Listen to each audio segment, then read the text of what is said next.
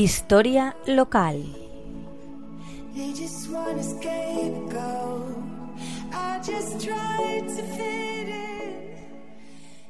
Buenas tardes, amigos de la Tegua Radio.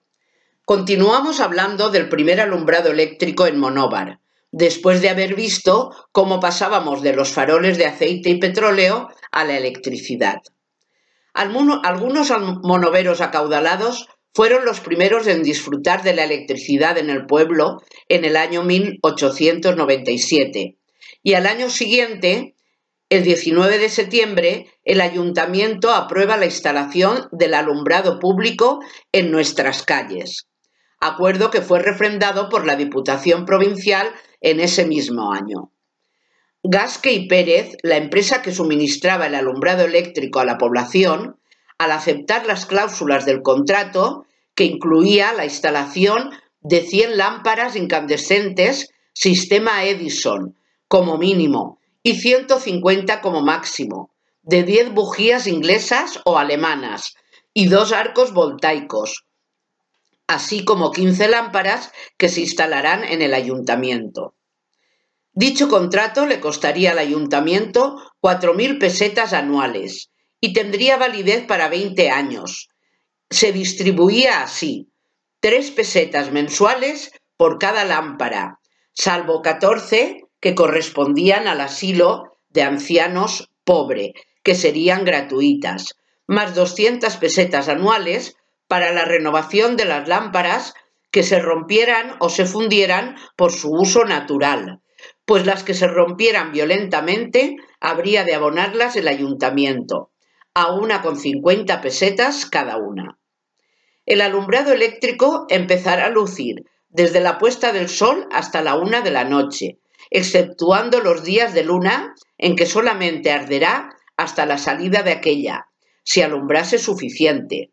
De lo contrario, continuará dicho alumbrado hasta la hora expresada, viniendo el concesionario obligado a encender siempre que por alteración de orden público la autoridad lo creyese oportuno.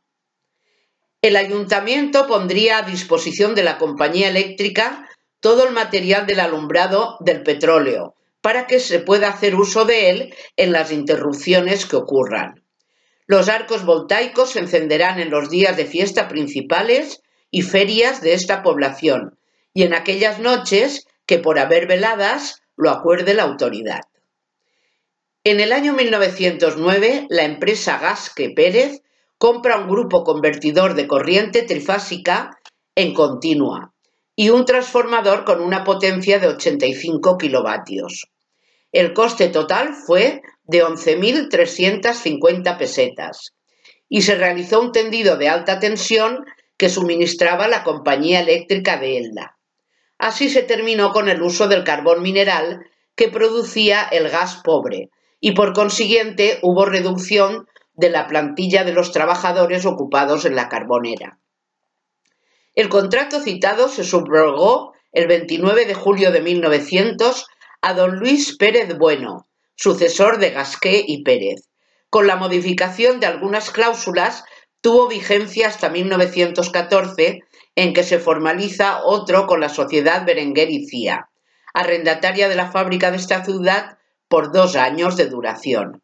Término prorrogable y 2.285 pesetas anuales, que fue prorrogándose año tras año hasta 1928.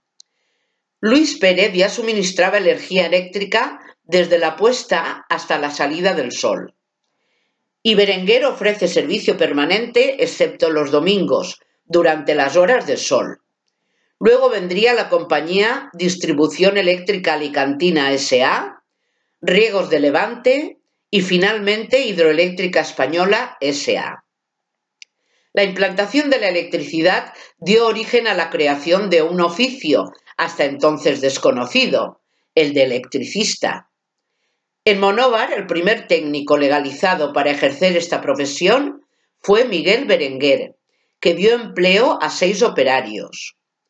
Enrique Picó, Ganga, con dos ayudantes, Manuel López Manolet, con cuatro, y José María Román Amat, con cinco. Es curioso recordar que en los años 20 son sustituidas las velas que iluminaban la carroza de la Virgen del Remedio por bombillas, instalación que hizo Juan Bernabé, y tenía que ir enchufando un cable a la red de alumbrado público cada 100 metros aproximadamente, por lo que había que ir enrollando y desenrollando cables durante toda la procesión.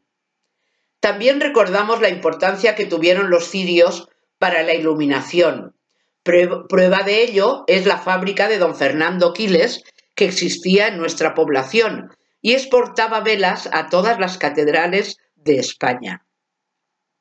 En tiempos antiguos la torre de la iglesia se iluminaba con cirios, mientras duraba la celebración litúrgica, que era hora y media aproximadamente.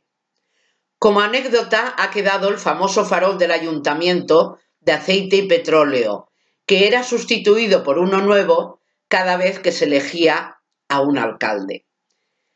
Pues esta ha sido, amigos, la, la crónica de la Tegua Radio, la crónica del alumbrado y la verdadera revolución industrial por la que pasó nuestro pueblo hace algo más de 100 años. Espero que os haya sido de vuestro agrado el escucharla, al igual como el mío el contarla. Buenas tardes.